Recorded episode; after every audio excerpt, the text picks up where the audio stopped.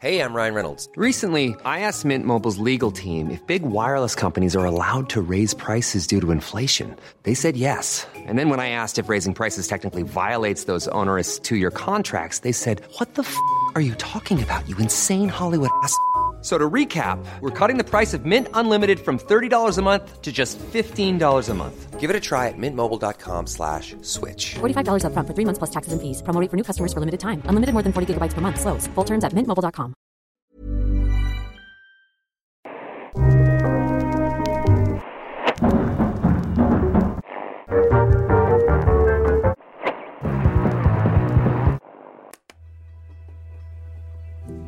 Fog everywhere.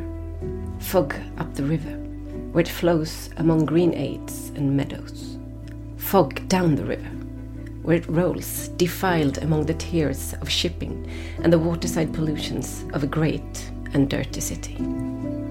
Fog on the Essex marshes, fog on the Kentish heights, fog creeping into the cabooses of collier brigs, fog lying out on the yards and hoovering in the rigging of great ships, fog drooping on the gunwales of barges and small boats, fog in the eyes and throats of ancient Greenwich pensioners, wheezing by the firesides of their wards, fog in the stem and bowl of the afternoon pipe of the wrathful skipper, down in his close cabin, fog cruelly pinching the toes and fingers of his shivering little prentice boy on deck. Chance people on the bridges peeping over the parapets into another sky of fog, with fog all around them, as if they were up in a balloon and hanging in the misty clouds. Välkomna till Football Radical och eh, veckans eh, Dickens-avsnitt. Visst var det Dickens, fick jag, inte, fick, jag inte, fick jag inte chansa på det. Ah, förlåt. Så väldigt Dickensian var det. Eh, Jag tänkte det var en given. Ja, alltså Dickens sittande framför en Turner-målning eller så. Eh, Fog off. Eh, visst var det alltså, så fint. Skriva Visst kunde finns han. det... Ja, skriva kunde han. Och det finns liksom en tid på året där man egentligen allra helst bara vill typ tända en eld och läsa lite mer Dickens än man har gjort i, i, sin, i sitt liv. Detta var från The Bleak House 1853, en sån där klassisk, en av hans första faktiskt. Och en sån här bok som först då publicerades som eh, följetong i eh, någon, en brittisk tidning. Och eh, sen mycket riktigt blev en bok då. Det var ju mycket så på den tiden. Ja, det är något Otroligt fint med... Ja, det är något eh, väldigt eh, lättfattligt kring den här brittiska dimman. Jag kände att jag, trots att solen faktiskt skiner i Paris idag, och jag, jag tror mig ha läst till att den gör på samma sätt i Stockholm, så längtade jag nästan till dåligt väder på de brittiska öarna, hur konstigt den kan låta. Ja, det finns någonting i just det där. Alltså, det finns inget dåligt väder och så vidare. Men framförallt så finns det ju inga dåliga miljöer i det dåliga vädret. Du får den Det finns inga oerhört- dåliga Dickens. Nej, nej.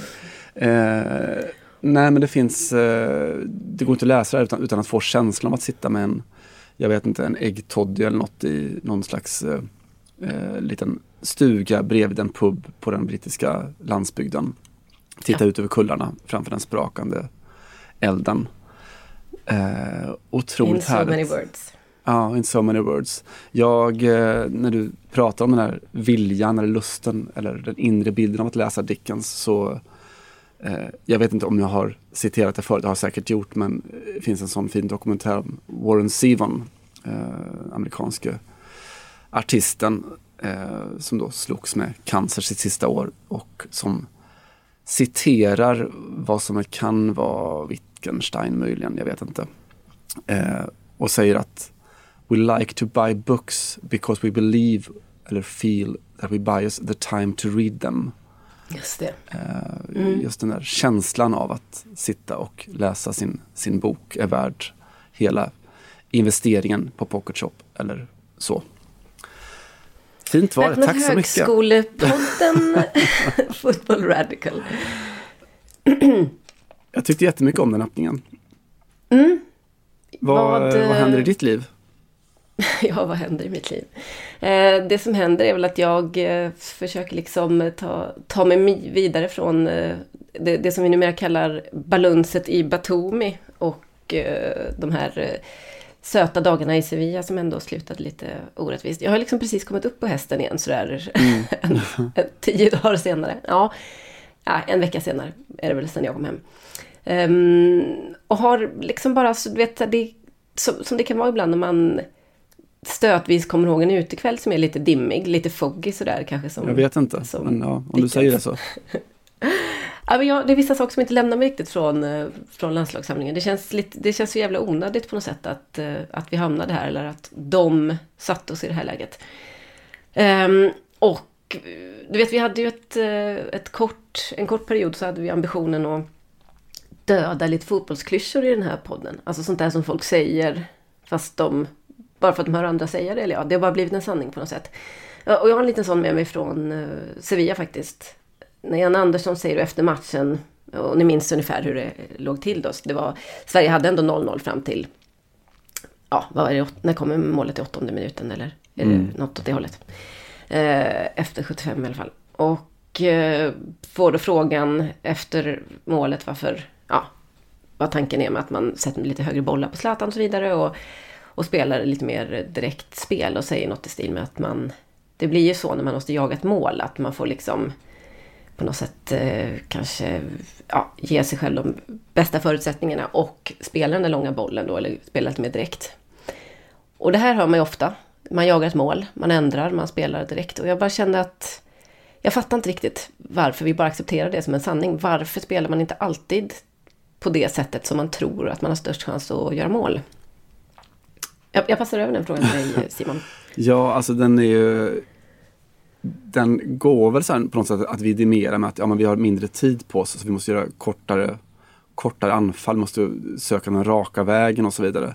Jag förstår ju exakt varifrån det kommer, jag håller med dig också. Och jag kan tycka just i det här specifika fallet så finns det ju en, en, eh, en sak som är ett, ett motargument som är jobbigt att bemöta kanske för just Jan Andersson och Peter Wettergren i det att de behåller ju till exempel, alltså balansen i laget är viktig för att man under 80 minuter har skapat sig en matchbild som då passar laget väldigt bra. Att man håller tätt bakåt och ändå liksom kommer fram till ett par chanser och sådär. Så den, den vill man inte offra. Eh, det är därför man byter ut Emil Forsberg till exempel som börjar bli lite trött för att du, ja, vi måste kunna jobba i två riktningar för att bibehålla den här matchbilden. Samtidigt som då matchbilden inte duger för att du då ja, ska just söka den där långa, långa tidiga bollen. Långa bollar är bra. Ja, alltså det är konstigt. Och jag menar, jag tänkte också på det. Så här, finns det någonting i den här typen av spel då, som man siktar på sista tio som gör att man blottar sig bakåt och att det är därför man inte vågar göra det innan. Men, innan. men det finns det ju inte egentligen heller. Det är ju Nej. snarare så att man kanske eh, alltså chansar mer, eller vad ska man säga, man behåller, kan behålla en bättre defensiv om man inte börjar involvera lika många i uppbyggnadsspelet.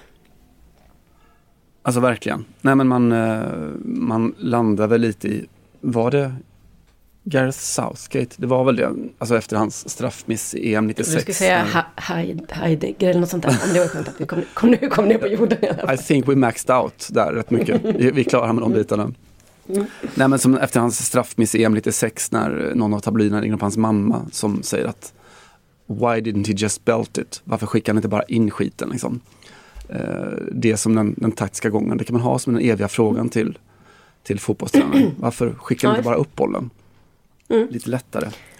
Ja, jag ja, förstår att, du... att, det inte, att det inte finns en hel, alltså finns inte en heltäck, eller ja, vi har ju inte dragit in Jan Andersson i detta, men håll med om att det här är en, en form av fotbollssanning som får leva sitt eget liv lite utan att vi ifrågasätter dess effektivitet ofta, eller dess sanningshalt snarare. Det borde ju lika, man kan likväl kunna tänka sig, ah, okej okay, nu, har vi, nu, har vi, nu är det tio kvar av första halvlek. Fan, ska vi bara köra lite långa bollar då? Eftersom det, då får vi ett mål innan paus. Mm. Ja, det är det bästa. Det är, det, mm. då är det, det, bästa sättet att göra mål. Så har vi ett noll innan paus. Det Just hade ju kunnat vara en... Mm. Bill Shankly, om oh, du ja. finner dig runt straffområdet och inte vet vad du ska göra av bollen, skicka upp den i krysset så kan vi diskutera alternativa lösningar sen. Så. det krävs en gammal sosse för att liksom eh, sätta dem självklarheterna, eller hur? Oh ja. Nej, Football Radical, uh, The Cliché Crushers. Det är så vi rullar. Ja, Ska man förstår ett system ifrågasättande så, så får man göra det på alla, på alla fronter, tänker jag. Ja, fint. Eh, jag är glad att du är på väg att återhämta dig från Balunsa di Batumi. Eh, Var, vart är du? Var, var befinner du? Vart är du på väg? Och var befinner du? Eh, vart är du på väg? Ja, för en poäng så är jag på väg egentligen från, från Norrköping och hem. Det var i Norrköping jag var eh, till och med min måndagskväll eh, och åkte hem genom någon Dickens dimma. Eh, och det mest slående därifrån, nu ska inte det här bli den allsvenska podden, men det är väl att det är speciellt att befinna sig i en, en, eh, en serie som ingen riktigt verkar ha medlen för att vinna. De kanske borde börja skicka upp bollar, jag vet inte. Eh, nej, men alla, alla försöker ju sitt allra bästa för att inte vinna serien, det är den känslan man har. Eh, jag tänkte igår på något som jag snubblade över för kanske en eller två veckor sedan.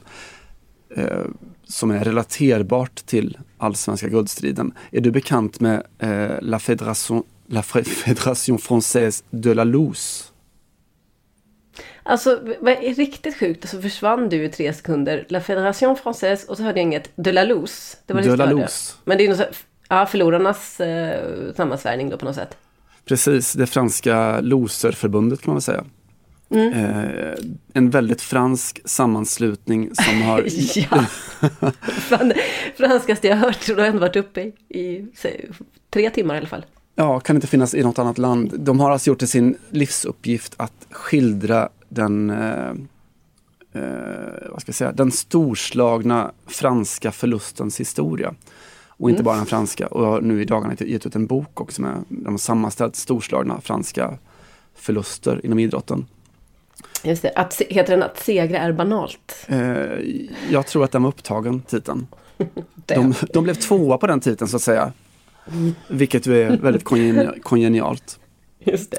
Eh, nej men det, de, till, ex, till exempel så kan de skildra eh, det storslagna när Johan Cruyff skulle avsluta sin karriär med en sån här avtackningsmatch, inbjudningsmatch.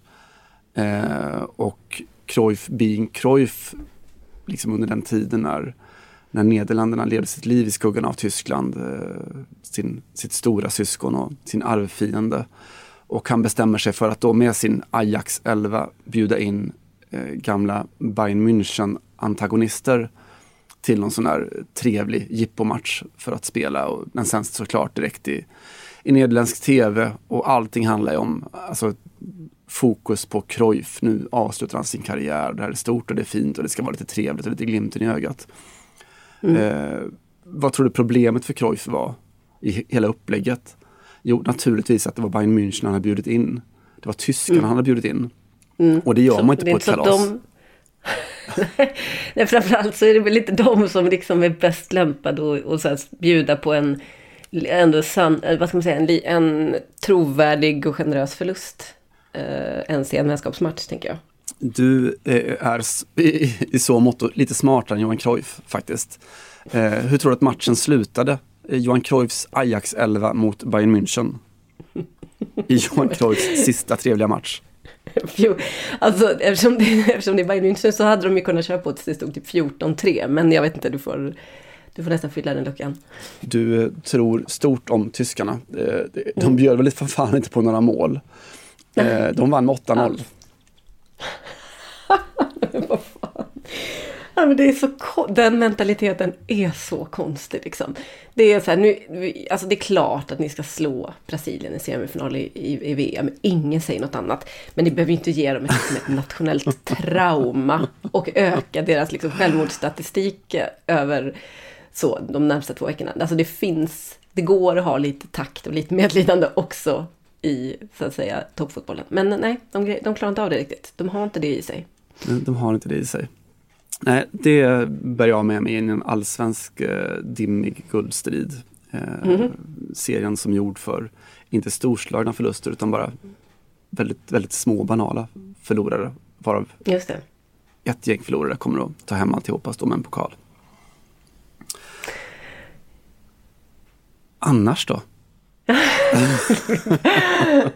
Annars eh, konstaterar jag som man gör eh, nu för tiden att eh, Kim Kardashian helt plötsligt har gjort mer för både damfotbollen och för alltså, kvinnlig frigörelse än vad jag har liksom skrapat ihop under mina 40 år. Undrar om vi inte är jämngamla dessutom, jag och Kimpan.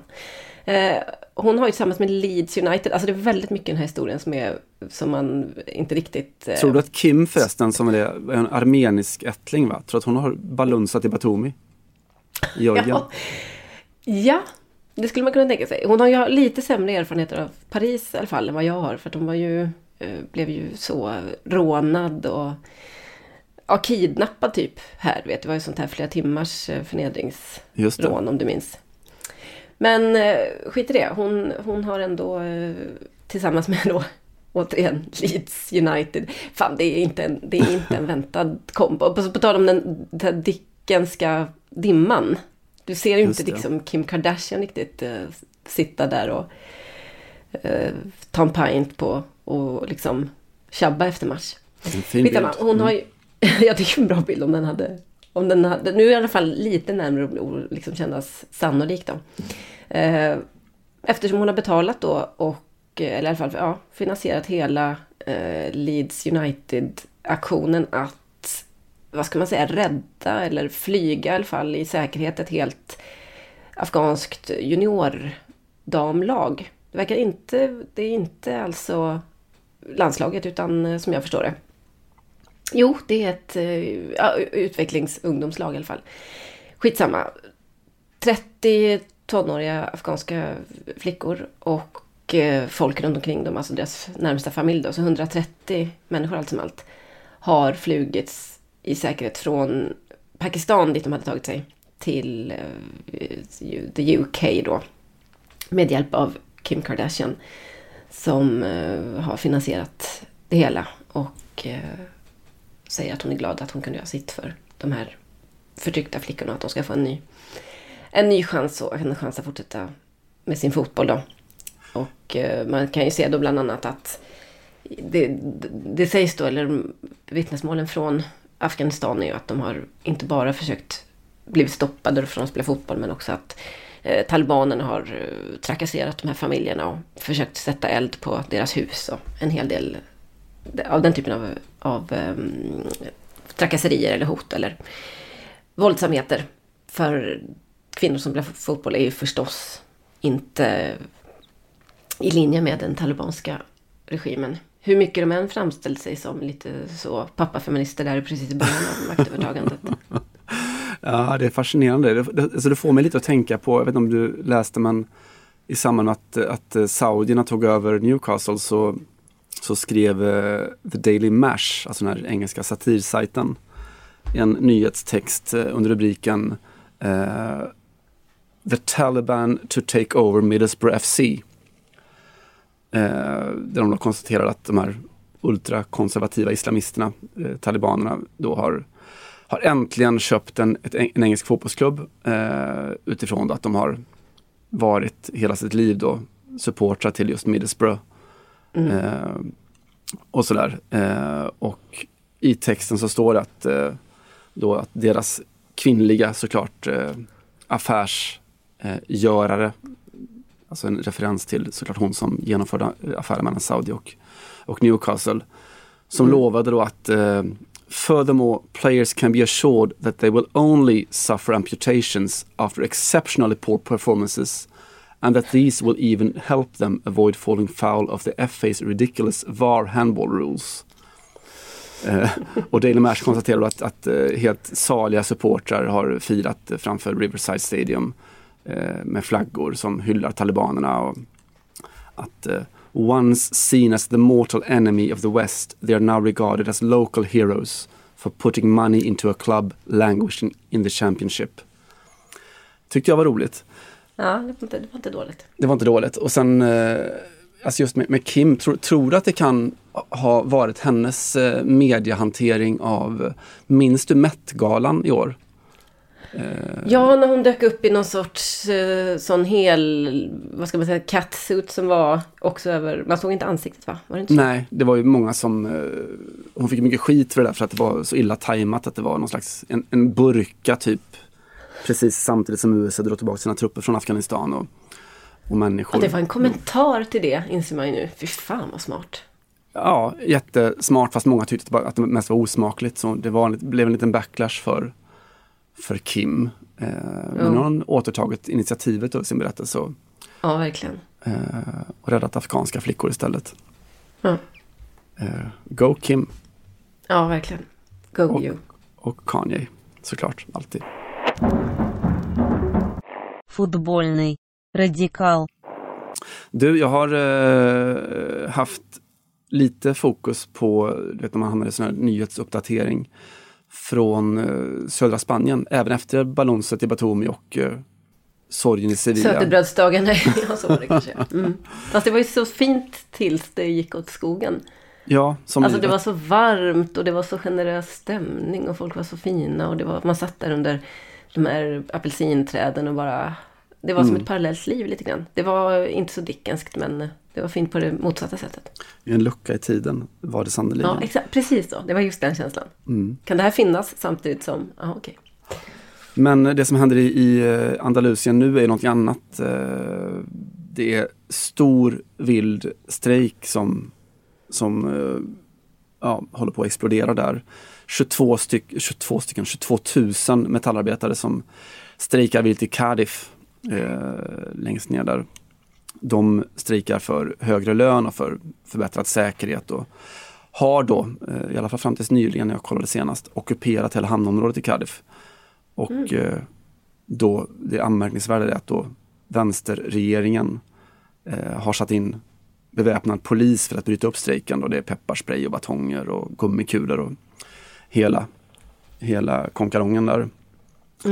Eh, ingen enskild händelse kan man säga. Mycket strejker eh, bland de arbetande klasserna nere, i södra Europa, nu i Portugal och, eh, och Spanien och Italien och sådär. Eh, Såklart en följd av att arbetsgrupperna då, så här, lite längre ner i näringskedjan har drabbats väldigt hårt i, i följderna av svallvågorna efter pandemin. Eh, och accepterar inte det fullt ut. Då. Och att det händer just Andalusien är ju såklart också beroende på att det är en, det är en väldigt plågad region. Eh, inte bara efter pandemin utan de senaste, ja, hela 2000-talet egentligen. Eh, enormt hög arbetslöshet, jag tror var fjärde är arbetslös. Eh, ännu högre bland de unga, fyra av tio unga Alltså, du, saknar ja, arbete. precis. Alltså som värst var det ju mer än hälften var alla, av alla unga i Andalusien var arbetslösa där under några år. Det är ju Ja. helt... Ja, ja visst. Det är ju ett, eh, det är ett annat universum, på en lucka i tiden på många sätt. Ja, men de har ju sina apelsinträd va? Ja, Nej, och det är de är också förbannade på, på fackförbunden då som ja, facken, alltså arbetsgivarna erbjuder liksom en halv procent löneökning över två år och fackförbunden kräver någon procent mer. Men det får, alltså inte ens det som fackförbunden kräver täcker inflationen så att effektivt sett så skulle de få en, en lönesänkning och inga andra förmåner överhuvudtaget. just det. Och sånt märks ju såklart då. Det märks liksom i debatten och i nyhetsflödet och märks också på fotbollsarenorna. Eh, för det är där vi ska landa va? I, i fotboll radikal. Eh, nu i veckan så gick eh, då Cadiz eh, CF då, lokala fotbollsklubben i Cadiz ut på sin Twitter och la upp en lagbild som de har tagit in i hamnen tidigare då. Eh, under text, texten att Cadiz be behöver sin industri och industrin behöver sitt Cadiz. Eh, de har en ultrasgrupp i Cadiz som heter eh, Brigadas Amarillas. Eh, che Guevara som symbol då, väldigt så antifascistiskt och vänsterinriktad supportgrupp. De har varit ute och uttalat sitt, sitt stöd till de strejkande arbetarna. Och då nu i helgen, 10 mil från därifrån, då, i vårt Sevilla, eh, regionens stora maktcenter, fotbollsmässigt inte minst då. De mötte Alaves hemma. Eh, John Guidetti på bänken i 90 minuter, tackar som frågar. Eh, Jag hade Och- faktiskt kollat upp det. ja, det men såklart. Det är klart att man gör det. Mm. Eh, Man kollar ju alltid lite hur det går för John. Alltid faktiskt. Ja. Blir alltid lite Ja. ledsen när, när han sitter på bänken. Eh, Nu, vilket är varje helg tyvärr. Vilket är varje helg. Det är inte många, jag vet inte, en handfull inhopp nu i höst. Då. Mm. Jag kommer bli bäst i världen. Det är klart. Inget snack alltså. Eh, och Sevilla är ju en, en speciell klubb i det att de, de är ju sprungna ur, ur överklassen, ur aristokratin i Sevilla. Eh, det sägs ju sådär historiskt att Betis, eh, andra stora klubben i Sevilla, bildades som, som någon slags utbrytargrupp ur, ur Sevilla. Efter att Sevilla då vägrat ha en, en arbetarklassspelare i truppen. Eh, och sådär. Men, men det har ju vänt lite sedan dess då. Betis eh, har ganska starka högerinslag i sina supportrar. Medan Sevilla har då eh, Biris Norte, eh, Spaniens äldsta ultrasgrupp som då är en radikal vänstergrupp då, också starkt antifascistiskt viktad. Hur som helst då, Cadiz och Sevilla är inte kompisar såklart. De har varit eh, konkurrenter och framförallt kanske under 80-talet då när de spelade eh, i La Liga båda två. Det gör de fortfarande, men, eller nu igen ska man säga då. Men det har liksom gått upp och ner och rivaliteten finns då. Eh, liksom, så traditionellt, det är övermakten i Sevilla och underordnade i Cadiz. Men det som hände i lördags under matchen mot Alaves eh, på då eh, ja, ståplats då bakom Sevillas mål var att Biris Norte höll upp två stycken banderoller där det står då eh, El partido más importante se está jugando en Cádiz. Den viktigaste matchen spelas i Cádiz. Que viva la lucha de la clase obrera. Länge leve arbetarklassens kamp. Och jag tyckte det var lite fint. Solidaritet. Just det. Regional solidaritet, arbetarklassens kampenhet.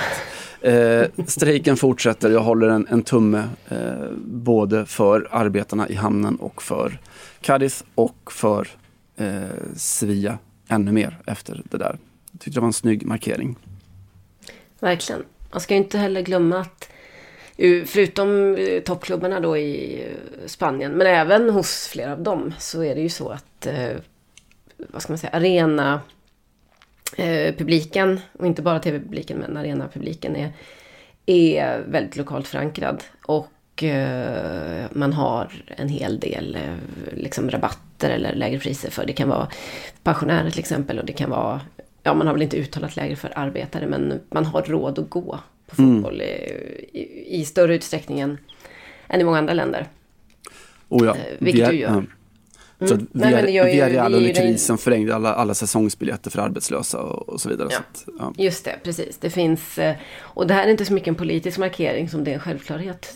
Är min känsla. För att man, alltså det är inte, det är inte, det är inte så att man behöver stå på barrikaden och säga fotbollen är för alla. Utan det är liksom något som är så, det är så självklart inslag i, i på något sätt eh, veckodynamiken. Att på söndag går man på match och så är det med den saken att det liksom är, det respekteras verkligen. Absolut, kan vara ett, ett nästa steg efter villkorstrappebanderollerna i Allsvenskan också kanske. Tyckte det var fint. Ska vi åka till Tyskland en kort sväng? Södra Tyskland. Har jag aldrig sagt nej till. Kort sväng i och för sig. Sevilla, München, det tar en liten. Det känns som att den måste man ju åkt någon gång i somras under EM. Fast det var väl så att München-matcherna var svåra att få akkreditering där. Jag var nog inte där när jag tänker efter. Skit i det. Ehm, det har blossat upp en eh, liten debatt i eh, Bayern München. Framför allt då. Eftersom eh, man, kan, man har en, en, i Tyskland just nu en covid-situation som är, om, om den inte är utom kontroll så är det inte långt därifrån i alla fall. Eh, dödstal eller i alla fall smittotal som är högsta på, ja sen, sen innan vaccinationen kom igång. Och, eh, det, ja, det, det går rätt kass helt enkelt i Tyskland. Som ju var lite, eh, vad ska man säga, lite så eh, toppelev i, i början av pandemin. Minns du det? Det var ju Angela Merkel stod där och presenterade sina egna uträkningar. Hon spelade ju lite på det att hon var, ändå hade en, ett, eh, en, en doktorshatt i vad det var, kemi. Det var väl inte epidemiologi riktigt, men ändå. Jag har räknat på det här och så här kommer det bli och så vidare. Det var hon och Trump Men- som var lite av experter kan man säga. de hade liksom någon som satt på egen kunskap om det här. Ehm, vi har ju blivit eh, bortfintade av covid ganska många gånger sedan dess, så att säga. Eh, Angela Merkel ska ju ändå avgå någon gång. Jag, ty- jag tycker det börjar kännas, utan att vara då, som du kommer att höra nu, så total insats, så känns det som att det är två års tid man har pratat om att det känns som att hon avgår om två veckor, men hon gör aldrig riktigt det. När går liksom tåget, eh, Angela? det, Ja, vi kan, vi kan inte vara hon helt säkra på att de kommer försvinna heller känns det som. Alltså, hon behövs framförallt. Eh, intressant då att Bayern München har fem spelare som är ovaccinerade. och det här är inte en helt okomplicerad eh, fråga. Jag vet att eh, på den senaste landslagssamlingen, eh, den svenska, så frågade vår kollega Johan Flink de som då satt på podiet på presskonferensen om de var vaccinerade och om de ville svara på det och varför och så vidare. Och eh, det finns väl inte någon officiell i alla fall eh, statistik om just landslaget men eh, Mattias Svanberg var det ju, sa, berättade ju att han var inte vaccinerad än just för att de i hans klubbmiljö hade För han sagt tror inte på skiten. Nej, det var, ju- var ju verkligen inte det. Utan han eh, sa ju, jag har ju haft det ganska nyligen. Host, host sa han inte, men alla, ni kanske minns att det var, för det var ju från Dejan Kulusevski han fick det så att säga. Och hans eh, klubb då hade gjort bedömningen, eller läkarna där, att han kunde vänta lite med att vaccinera sig så skulle det få bättre effekt. Hur som helst, detta gäller inte för Joshua Kimmich. Som inte vaccinerar sig, eller som har valt att hittills inte vaccinera sig på rent eh, eget initiativ då. Um, På han har bland annat Ja, det skulle man kunna kalla det. Det är väl kanske inte så han ser på det. Men nej, han säger att han inte är um, säker på det här vaccinet. Han tycker det har gått för kort tid. Och ja, han vill liksom inte ta, ta risken och det måste vara upp till alla och så. Eh, vilka de andra fyra är vet faktiskt inte jag eh, i klubben. Det kan hända att Bayern München har berättat bara att det finns fem då som inte är vaccinerade. Varav Kimmich är den som har gått ut och berättat själv att han hör till dem. Men det, det har skapat lite oreda det här och inte minst för att eh, Joshua Kimmich tillsammans med Leon Goretzka drog igång en, eh, en sån anti-covid-kampanj i, eh, när, jag, jag tror att det var precis när, eh, när, vad heter det, jag vet inte om det var precis när, när covid drog igång, men det hette i alla fall We Kick Corona och de drog in en massa pengar för att ja, eh, kämpa mot viruset på ett eller annat sätt. Och nu visar det sig i alla fall att Kimmich vill inte och det här börjar, förutom att det givetvis skapar, kan man ju tänka sig, lite slitningar i ett, i ett omklädningsrum. Så har han varit ett sånt här kontaktfall då. Vid ett par tillfällen på slutet. Eh, vilket enligt eh, nuvarande tyska regler, eller i alla fall de som tillämpas i Bayern säger, eller stipulerar att man då måste gå i karantän i en vecka. Och eh, det hände till exempel då...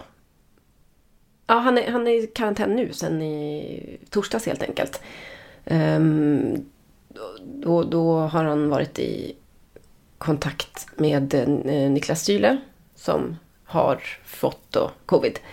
Och eh, detta var i landslaget eh, under det senaste uppehållet. Eh, där han då, om han varit, som jag förstår, vaccinerad, inte hade behövt, hade, inte hade liksom, hade setts som en eh, riskperson. Men det, vid, vid två, två tillfällen då under eh, de senaste bara veckorna, två veckorna tror jag, så har Kimmich hamnat i ett läge där han måste gå i karantän helt enkelt, som enligt reglerna för ovaccinerade. Och Eh, det är klart att det här eh, skapar eh, jätteproblem i, i, för ett lag inte minst, eller för en tränare som inte kan kanske då förlita sig på, på några av de viktigaste spelarna. Alldeles oavsett kan man ju tänka sig att det skapar lite obehag om man ska sitta och dela omklädningsrum och sådär med, med eh, Kimmich. Eh, nu diskuterar man bland annat då vad det som gäller för regler för en arbetsgivare här. Om man till exempel kan dra in delar av lönen för någon som går i karantän för att han inte har liksom gjort sin plikt. eh, Mm. Integritetsfråga som är jätteintressant ju. Ja, precis. Vet, vet du förresten vad vaccinplikt heter på tyska? På tal om plikt. Fleicht eller flicht, flicht kanske då. Mm. Vaccinplikt. Impfpflicht. Impf. Impf, impf är vaccin. Impfpflicht. Så att du har två sådana eh, efter varandra i en lång jävla konsonantföljd där. En Eurotechno-refräng. Ja, liksom. Impf, impf, impf. Exakt så. Precis så. Impfpflicht gegen Corona? Eine Impfpflicht, dass diese Impfpflicht ausgeweitet wird zu einer allgemeinen Impfpflicht. Eh, nej men det är... mm, Jag vet inte, det är, det är ju... Jag stöter ju på en, en lite vaccinmotstånd i Frankrike ibland. Nu har det minimerats ganska mycket eftersom det är, ja, det är jobbigt att vara ovaccinerad här. Man kan inte göra någonting nästan. Alltså man kan inte göra något roligt i alla fall. Du kan inte ta en kaffe, du kan inte eh, gå på bio, du kan inte gå på konsert, du kan inte befinna dig inomhus i vad ska man säga, offentliga byggnader. Eller, du kan bara vara hemma hos dig själv och, och vänner och så vidare. Eh, så det är, men jag vet många som var lite tveksamma i början eller många som har föräldrar som inte vill eller många som, i alla fall en kompis som var, väntade in i det sista och sen så, Sen har hon ändrat sig och blivit väldigt pro och så. Men det, är inte, det här är inte en ovanlig inställning på kontinenten. Va? Det är inte bara de här galningarna som står med sådana här 5G-konspirationsteorier och tror att, inte vet jag, Jesus är på väg tillbaka eller att eh, det pågår ett folkutbyte och så. Jag tänker lite att man börjat ha ett sånt där, här, jag kommer inte ihåg vad SVT-formatet heter, heter det Mötet kanske? Där man för ihop eh, två människor med vitt skilda synsätt, typ Frida Boisen och Chang Frick får prata om eh, näthat eller så. Ja, Kan det heta Mötet? ja absolut. Ja, eh, föra samman Joshua Joshua Kimmich med någon eh, Juventus-spelare från typ millennieskiftet någonstans där. För att prata om, det, det Kimmich får prata om att ja, men det känns inte helt, eh, känns lite olustigt att ta sprut om man inte vet riktigt vad, vad det är för någonting i. Och så Juventus bara, fan snackar du om? Sprutan ska i bara.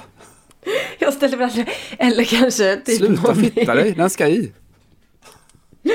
någon i Marseille på den tiden när Cantona berättade att det stod eh, sprut, eh, det var så ett schema, träning, lunch och så injektion då, injektioner. Och så skrev Cantona som ett tillägg där, Superman behöver ingen spruta eller något sånt där. Kanto, eller ja, Erik behöver inte ha någon jävla injektion.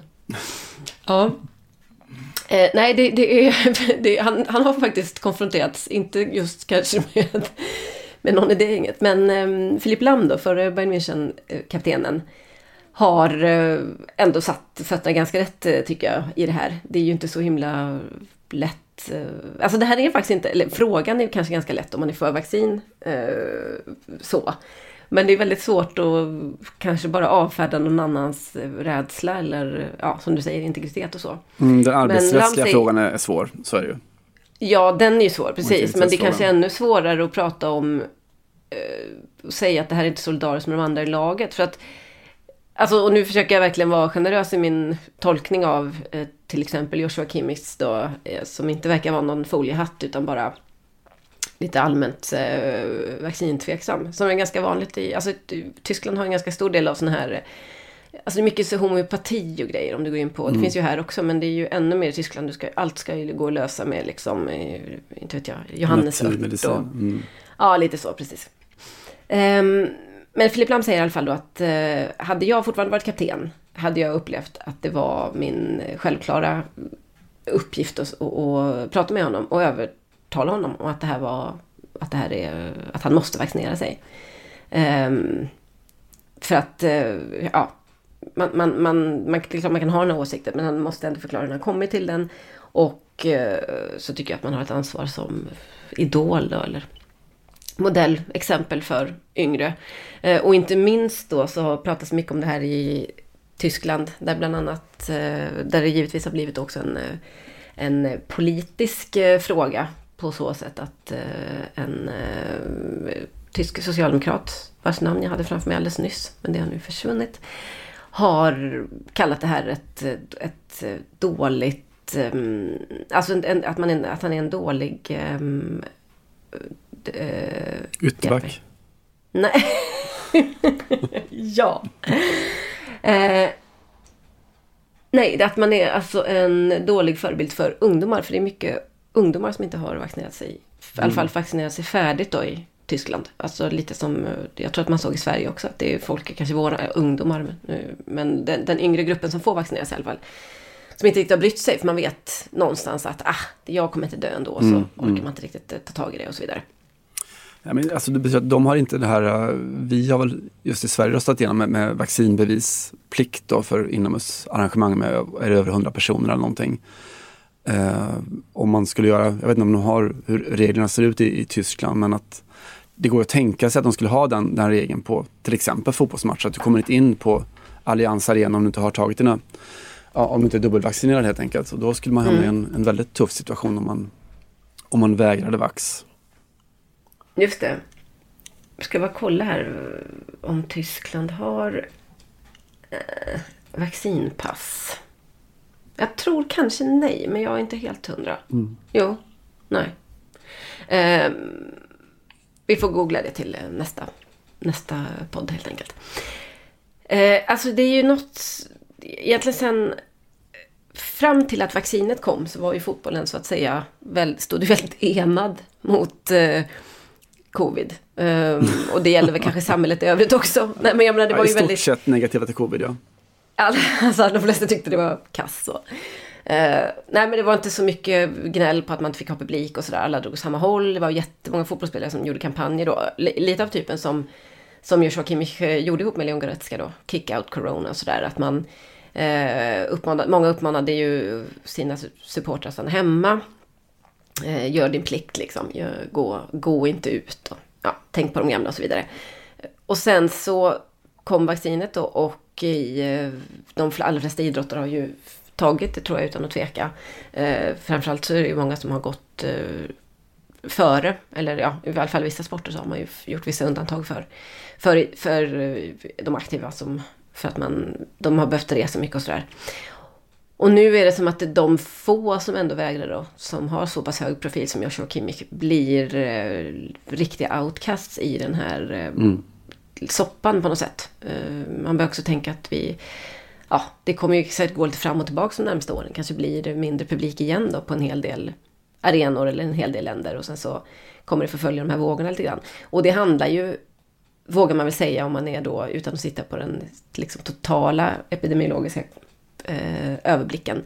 Det handlar ju om att folk inte vaccinerar sig. Hade 100% vaccinerat sig så hade ju inte, så hade ju liksom smittspridning kanske hade funnits ändå ett tag, men den hade ju varit löjligt låg ändå i jämförelse med nu.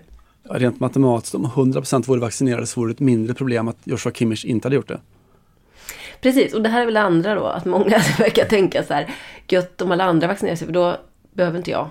Ehm, och så vidare. Det var väl också mycket i början att man trodde att den här berömda flockimmuniteten skulle inträda efter ett tag. Alltså nu skulle den ju ha funnits för länge sedan med, med tanke på vaccinet och allt det där. Och då skulle man kanske kunna tillhöra den här lilla gruppen som slipper ta risken så att säga. Ja, nej, men jag tycker det, det är ju, om vi ska ge covid någonting, jag är också i det stora hela väldigt negativt inställd till covid, så är det ju att den, den skickar ju delar av liberalismen in i en, en stor kris också. Alltså det här med individens rätt att bestämma över sin kropp som ju är en, alltså vi lär våra dagisbarn det, stopp min kropp och allt det där och det är ju ja, oerhört sunt och, och, och vettigt på, på nästan alla sätt. Men när det sen visar sig att världen hänger ihop och att ett samhälle hänger ihop och att ingen människa är en ö och så vidare. Och att, ja, om inte du vaccinerar dig så är det också ett problem för mig och så vidare. Så var, var drar vi gränsen då för, för personens rätt versus alla andra människors rätt och så vidare. Och jag har inget tydligt svar på det. Vi får väl ta det med Bulletin Caroline vid tillfälle. Men det, Ja, ja, just det, hon är ju liberal ja. För så länge vi inte skadar någon annan, då borde vi få frihet att själva välja. Och det där är också en viktig aspekt i liberalismen. Hon är liberal. Eh, Men ja, det, covid ger oss Nej, i alla blir- fall spännande filosofiska etiska frågor. Så är det. Ja, verkligen. Och jag menar, det blir ju också så himla tydligt i ett eh, omklädningsrum. Det finns ju nästan ingenstans där du kommer vara så exponerad faktiskt. Alltså, jättesvårt att, att hålla avstånd i ett fotbollslag såklart. Eh, ska man då, när man firar ett mål, be Joshua Kimmich att hålla sig undan lite grann till exempel. Ehm, eller ja, när man firar segern kanske inomhus efteråt, för det är väl det som är den stora riskmiljön. Inomhusmiljöer och stängda rum och sånt där. Ehm, vad gör man om han gör mål? Ska, han bara, ska man bara så high five på håll? Nej, jag vet inte. Det, det är som du säger, det är ju inte... På en arbetsplats så kan man ju tycka att det är eh, jobbigt nog att någon sitter och är ovaccinerad om man, om man nu tillhör riskgrupp på ett eller annat sätt eller så. Men eh, att, eh, att ha det i ett fotbollslag där man hela tiden måste göra gemensam, eh, ja, gemensamma resor och sitta i samma buss och sådär. Och jag vet inte hur det är nu, jag tror inte att det är fallet längre, men jag vet att under eh, i Spanien och i, det var väl framförallt Tyskland, för de drog igång, Bundesliga var väl den första ligan att dra igång eh, förra våren. Hey everyone, I've been on the go recently Phoenix, Kansas City, Chicago. If you're like me and have a home but aren't always at home, you have an Airbnb. Hosting your home or a spare room is a very practical side hustle. If you live in a big game town, you can Airbnb your place for fans to stay in. Your home might be worth more than you think. Find out how much at airbnb.com/slash host. Där. så var det ju jättetydligt i det här covid-protokollet att man inte skulle få åka tillsammans till och från match och sånt där. Det skulle vara flera små bussar och, och så. Det skapar ju en lite så liksom spetälska situation kring den som då inte är vaccinerad, eventuellt. Ja. Ingen vill sitta bredvid och så. Verkligen.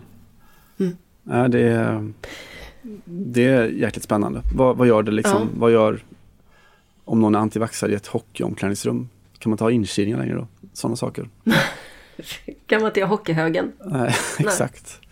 Nej, problem. Eh, Fußball Radikal, podden utan svar. Mm. Lite så. Mm. Mm.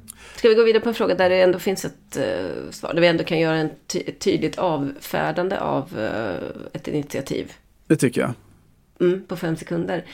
Uh, det är Ballon gala i Paris nästa måndag. Det är om en, lite, knappt en vecka. Och eh, det har hänt som alltid händer när eh, det ska göras någon form av eh, samsatsning på dam och herrfotboll, det vill säga alla numera fotbollsgalor där det finns dampris också. Nämligen organisatören har lagt det mitt under ett damlandslagsuppehåll, vilket gör att man räknar med att nästan inga av de eh, nominerade till Guldbollen, eller några andra heller, kommer att, eller ja, damernas guldboll då, kommer att uh, kunna ta sig dit. Kanske, kanske de franska spelarna, men de har också match uh, dagen därpå. och uh, flera av dem som är ligger bra till, typ Sam Kerr till exempel, Chelseas australiensiska anfalls-S, är och spelar match i för USA tror jag, dagen på. Alltså det är, inga, det är också mm. inga små avstånd. Och det, så här är det ju alltid med damfotbollen, att man får ju räkna med mycket större, många fler kontinenter. Så det är inte alltid kanske helt lätt att, att lösa. Men nu har man alltså lagt det precis på eh, matchdag för flera eh, stora landslag och eh, dag för match för många av dem, av de andra. Ja, man kan säga att det är dåligt, men man kan också säga, om man ska ta manligheten i försvar, tre korta ord som är min take på hela den här damfotbollsinbjudet med armbågen-gate. Vet du vad det är? Säg. Ada skulle twerkat. ja, precis. Då hade inte hamnat här, eller hur? Då hade vi inte hamnat här. Nej. Inte en chans. Nej, det finns, det finns, ju, det finns ju något uh, i det. Man får bjuda uh, till också. Nej, men man får faktiskt bjuda till lite. Jag håller med om det. Men man kan också konstatera att den berömda twerk-galan så kom ju en annan grej och det här har vi ju, vi har ju redan diskuterat om lite, att det har varit nästan bara kaos eller skandaler sen damerna fick en Ballon d'Or. Nämligen då eh, twerkfrågan förstås, men kanske ännu mer att samma år som man till slut då 2018 introducerade ett dampris på Ballon d'Or alldeles för sent, alltså pinsamt sent. Så kastar man också in två nya priser på här sidan då, bästa mm. juniorspelare och eh, jag vet inte vad det andra var, men så att man ändå, som inte finns på dem sidan. Så att man ändå skulle visa att det var, det är ändå något annat med män som spelar fotboll. Mm. Liksom för all del. Eh, ja, vi har diskuterat eh, Megan Rapinos eh, guldboll som kändes tveksam och nu detta då. Eh, hon kanske skulle ha twerkat men jag är inte säker på att vi hade undvikit den här situationen då. Men eh, det, det står och för sig bara skrivet i stjärnorna. Jag, jag kan bara gissa på att man någonstans tycker att vi måste, det måste in här någonstans eh, november, december. Här, och så har de, de här fem hjärnorna bakom Ballandor satt sig och kollat. Här har vi en jättebra lucka. Och så har bara ingen tänkt på tjejer. Jag är helt säker på att det är så det har gått till. För det är precis den typen av... De hade, det, här, det här kan inte vara ett medvetet beslut. Eh, alltså det har gått... Jag tror att beslut har fattats och sen har det gått så långt så det gick inte att ändra på det. Mm. Och sen har man insett att shit, det blir eh, inte bra för kvinnorna men nu, nu har vi liksom skitit i det blå skåpet. Vi får bara, vi får bara hoppas att det blåser över. Vad var det vi glömde? Boka Globen och så vidare. Vad var det vi glömde? Ja. Kvinnorna. Ja. Det blev så. Est-ce que tu sais twerker? Non. Eh, noterade för övrigt att apropå eh, Ballon d'Or Feminin att eh, Lika Mertens eh, förlovade sig förra veckan med Sparta Rotterdams reservmålvakt. Eh, slår mig lite, det finns någonting i det där med att det inte bara framgångsrika herrspelare, vi pratade om det förut, som, som har partners som också spelar fotboll fast på lite lägre nivå. Eh, Lika Mertens med Benjamin van Leer Eh, Ada Hegerberg är väl fortfarande tror jag gift med Thomas Rogne. Ja, Fin- det har jag, något hoppas jag. fint det där. Ja, just det. Vadå, det är inte bara... Vad sa du? Det Ja, vi har pratat om förut om, om herrar som har eh, flickvänner eller sambor som också spelar fotboll fast kanske på lite lägre nivå. Eh, det har, Har vi? Jag kommer bara också. på... eh, Gör någon det då? Ja, det är Kulusevski, men hon slutade väl? Ja, Mattias Svanberg och, Ah, och så vidare. ah, ja. De Okej. finns. De finns. Mm. Ola Toivonens fru är väl också gammal eh, Precis. elitspelare? Ja. Oh, ja ja, fan det är ju en jävla trio. Det är en spaning. Tre, tre exempel i en spaning. Tre exempel en spaning. Eh, jag vill också flika in apropå om det nu är Ballon d'Or, de borde hylla lite grann, eller vi kan göra det här i alla fall, för vilken sorts podd vore vi annars. På torsdag eh, den 25 så händer det. Då spelar hon sin allra sista landskamp. Brasilien mot Indien i Manaus, mitt i den djupaste Amazonas. Eh, då är det är det Formiga? över. Då spelar Formiga sin sista fotbollslandskamp. Mm. Efter sju VM, sju OS. Eh, född 78, då var damfotboll förbjudet i Brasilien. Och nu är hon då tillbaka i sitt Sao Paulo. Eh, ja, det är, ville bara ha det sagt. Formiga slutar. Förtjänar alla hyllningar som man kan få som människa och fotbollsspelare. Verkligen. Det är någon liten turnering i Brasilien om jag har förstått det hela rätt. Kan inte stämma för att eh, uh, Lika Martens just och eh, hennes Holland och eh, ja, Vivian Miedema som ju förstås också är med som uh, tänkbar vinnare till Ballon d'Or. Kommer ju spela match mot Japan i... Den, de hör nog inte till samma turnering när jag tänker efter. Men ändå, det, jag vet att eh, Chile ska spela i, i Brasilien också. Men eh, Holland i alla fall möter då Japan mitt under galan. Så att det går inte ens att så att säga vara med på länk. Det är så jävla förnedrande. För fan vilka idioter de är alltså. Ja, det, Nej men gud vad pinsamt. Alltså nu säger jag det bara, fy fan vad klantigt. ja, vore det inte hemskt, då vore det roligt. Lite så är det. Ja, alltså det, det är ju nästan roligt för att det är så otroligt klantigt. Ja. Ja, ja, jag ska gå på den där galan i alla fall och jag ska läsa lusen av eh, alla arrangörer om jag hittar några. Du kanske är enda kvinnan där. Alltså ja, det kommer inte vara långt ifrån kan jag säga. Det brukar inte vara så kvinnotätt på, på de där galorna på, på journalistsidan i alla fall. Det är lite sådana, det här fina uppdraget som ofta går till lite mer seniora reportrar. Just det. Eh, Jag tänkte ta oss eh, tillbaka till, eh, till Spanien igen innan vi väl börjar kanske runda av lite grann och konstatera att det inte bara sydspanska hamnarbetare som strejkar eller protesterar. Eh, förra helgen så vi kan väl lyssna lite snabbt på hur det lät när Barcelonas damlag tog emot Levante. Eh, så här började matchen. Anima la grada, primera pelota en juego que no se juega, en señal de protesta, entendemos que por la amenaza de huelga también de toda la competición y de todas las jugadoras. Fíjense el gesto de los jugadores de Levante Unión Deportiva tapándose la zona de donde debería ir el parche. En señal de protesta y todo el estadio, Johan Cruyff aplaudiendo en señal de respeto hacia las jugadoras afectadas, los clubes afectados. Ja, det vi lyssnade på var alltså att Claudia Pina gör avspark och sen så händer absolut ingenting för att alla 22 spelarna på planen står blickstilla i en halv minut. Eh, en procedur som upprepades i flera matcher i, i eh, spanska ligan. För att eh, då de kvinnliga spelarna protesterar mot å ena sidan regeringen och å andra sidan klubbarna som inte då lever upp till ett löfte eh, om att göra ligan professionell. Och eh, det har ju så många effekter det där med, alltså det handlar inte bara om att ja, vi ska ha mer pengar eller så utan det här är liksom på en nivå där det faktiskt påverkar människors liv så oerhört konkret. Jag, vet, jag, jag gjorde en intervju för, ja vad blir det nu då, alltså under EM så 2015 va? Med Veronica Boquete eh, spansk damfotbolls stora affisch-tjej under väldigt, väldigt många år. Det låter som att det borde varit ett VM då, men ändå. Ja, sant. Det var precis vad det var. Mm.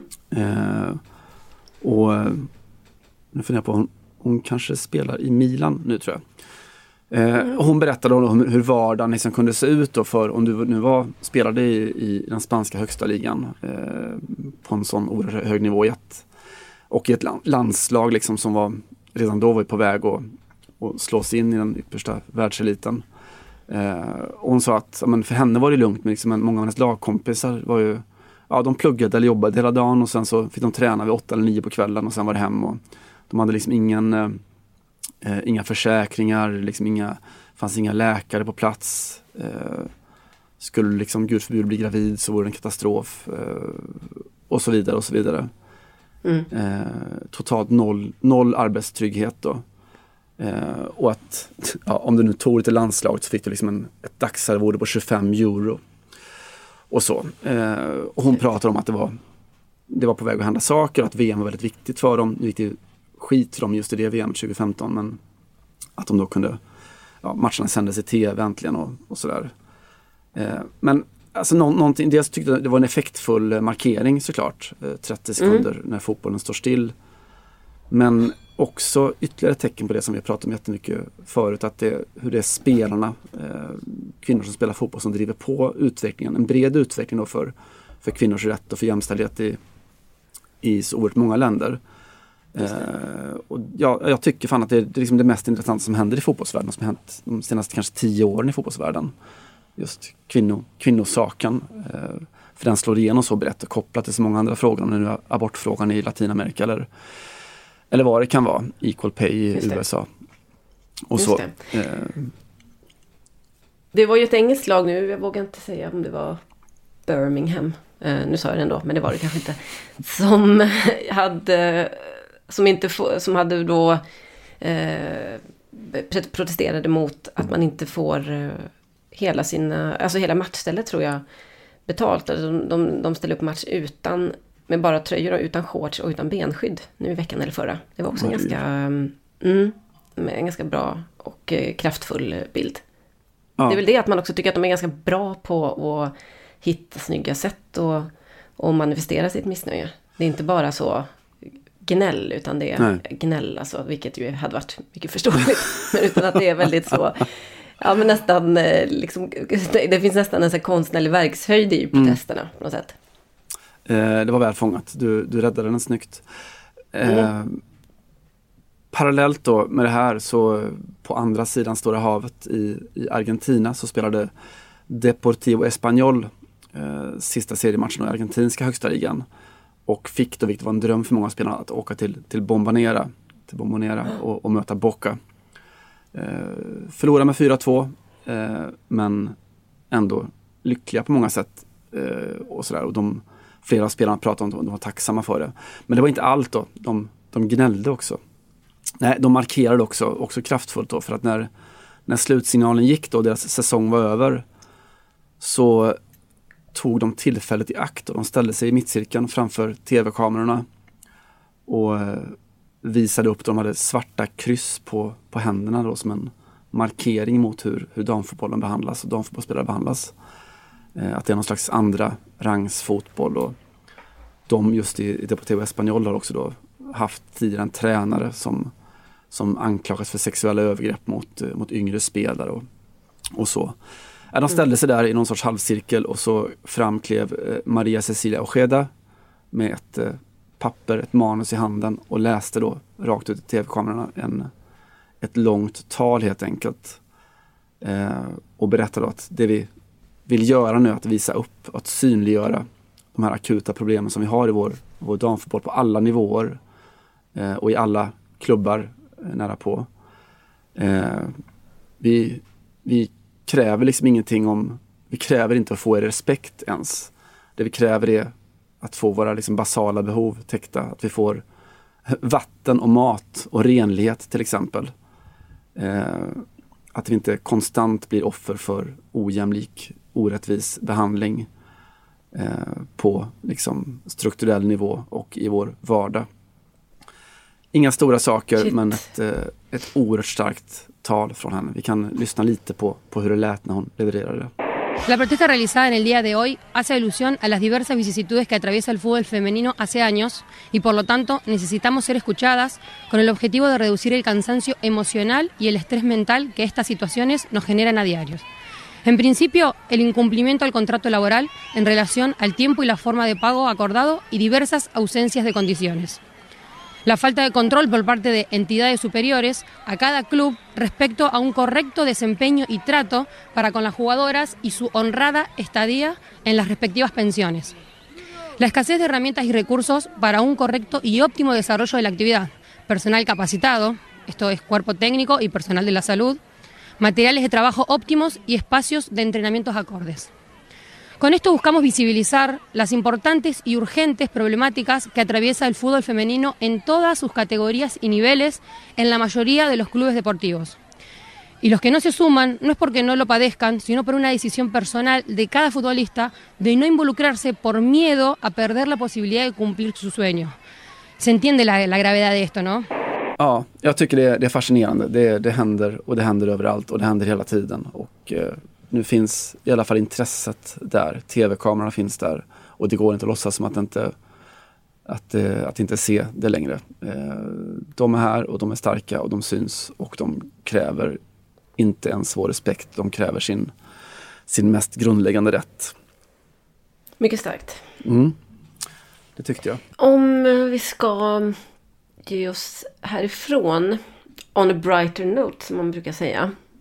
Um, så tänker jag att vi kan landa i ett litet catch-up-bråk som rasar i, inte minst i Premier League just nu. Har du noterat detta? Alltså det låter som, som Conte i Tottenham, kan det vara det? Det är givetvis en hel del Antonio Conte i Tottenham. Han började direkt med att förbjuda catch-up då på, ja inte vet jag, matsalen på, på träningsanläggningen. Är det väl i första hand. Um, för att vara liksom ett proffs så måste man ta hand om sin kropp. Och uh, träning och spela match det är liksom bara slutdelen av jobbet. Men du måste också förbereda kroppen på, och, och hjärnan och hjärtat på rätt sätt. Eh, sa Conte och förbjöd då ketchup. Eh, och spagetti. Som... ja, precis. Och eh, intressant nog så sa Steven Gerrard då, som ju har tagit över Aston Villa nyligen, samma sak. Han, eh, han menar att spelarna måste ha rätt mentalitet. Eh, de måste liksom kämpa för att tillhöra eliten. Ingen jävla ketchup här heller. Ehm, och Eh, det här är inte egentligen de, de första att förbjuda ketchup inom eh, brittisk eh, fotboll. Arsene Wenger ska ha gjort det på sin tid. Pep Guardiola har tydligen utklutit det också. Och på Fabio Capellos tid när han var Englands förbundskapten så förbjöd han ketchup. Och det här är ju lite, ja, det här är ju drygt tio år sedan så att det var, då var det lite svårare. Det väckte kanske lite mer uppmärksamhet och eh, oförstånd i allmänhet i England. Men han menade att eh, det, vi, ja, vi kan inte hålla på, ska vi vara seriösa kan vi inte äta ketchup helt enkelt. Eh, det var egentligen inte förrän Roy Hodgson tog över som ketchup blev tillåtet igen då i engelska landslaget. Hur det är just nu, eh, det vet jag inte riktigt faktiskt. Ehm, men det är klart, eh, Gary Neville vill ju vara väst när det gäller så att då kanske han också förbjudit ketchup. Vi får återkomma i det ämnet. Men jag tyckte det är intressant. Det är ju, inte en, det är ju såklart inte en, en, eh, vad ska man säga, en händelse att det är, i det här gänget finns eh, en spanjor, en fransman och två italienare. Jag vet inte dina erfarenheter av att berätta för italienare att det, det är sån typisk sånt fyllekäk att äta eh, Sverige pasta med ost och ketchup. Ja, det sa jag en gång till en italienare som stannade bilen och sa att han aldrig höra det här igen. Och hans hund skulle aldrig ens äta det om det var aktuellt. Och lyft helst inte det här ämnet någonsin. Och säg det framförallt inte till min familj. Annars var det lite så, kan du gå av här? Ja. Um, det är liksom en, en, vad ska man säga, en substans, eh, ketchup eller vad vi ska kalla det, som har väldigt dåligt rykte och som jag förstår är lite oförtjänt. Alltså det är väl en hel del socker och kanske ketchup. Mm, Men det finns också tror jag, liksom? Ja, precis. en av de absolut bästa antioxidanterna. Um, och nu är jag inte Agnes Wold, för hon kanske hade slaktat allt det här. Det kanske inte ens är så viktigt med antioxidanter. Jag tror att det, det finns, det också, men vi har, det har ändå varit en, en, san, en halv sanning väldigt länge att antioxidanter är bra. Och eh, uh, lykopen tror jag den antioxidanten heter som finns i ketchup. Som är mycket ner, mer um, närvarande i ketchup än i tomater. Varför då? Jo, för att ketchup har värmts upp då. Det frigör den här jättesuper antioxidanten. Um, ehm, det är väl snarare så att ketchup för många av de här herrarna är liksom, blir någon form av symbol för ett förfall eller för liksom amerikansk matkultur är det ju såklart. Mm. Att det, man kopplar ihop det med fast food och att det, det känns liksom inte bra att äta ketchup. Um, och jag vet inte, det, det, är, det är i alla fall en stor snackis den här veckan. Och har gjort att uh, Jonathan Liv på The Guardian har skrivit en väldigt fin kolumn i ämnet. Content Gerard Squeeze Life into Ketchup Wars in Tasty Cultural Divide. Um, jag tycker allt... Uh, det, Vilken oerhört Guardians rubrik det där var förresten. ja, den, det är ju Guardians, han kanske har Guardians uh, grymmaste penna ihop med Marina Hyde när han är, när han är som bäst, uh, Jonathan Liv. Och den här är en, uh, den högt, högst läsvärd. vi kan väl lägga ut länken på Twitterkontot Podcast Radikal så ska ni få er lite catch-up till lunch. För det börjar bli dags för nu Simon. det är fint tycker jag att ändå att det finns plats för den här typen av debatt i fotbollen. Ibland så snöar vi in på de lite så att säga större ämnena. Inte vet jag, Qatar och mm. de fotbollmissnöje och Ballon d'Or sexism och den typen av shite. Men Hur ställer sig Joshua få... Kimmich till ketchup? Vet alltså, till exempel vet vi inte det. Eh, men det, det är mm, också en, mm, tycker jag, en eh, bra, det är en bra bild att eh, ta sig ut från podden idag. För började vi med den Dickenska dimman så ska vi såklart sluta med ketchup och en låt som kommer att få oss alla på lite bättre humör. Eh, och så säger vi tack och hej. Eller ja, asere hej. Så ses vi och hörs nästa vecka. Hej då. Vi ses, ciao!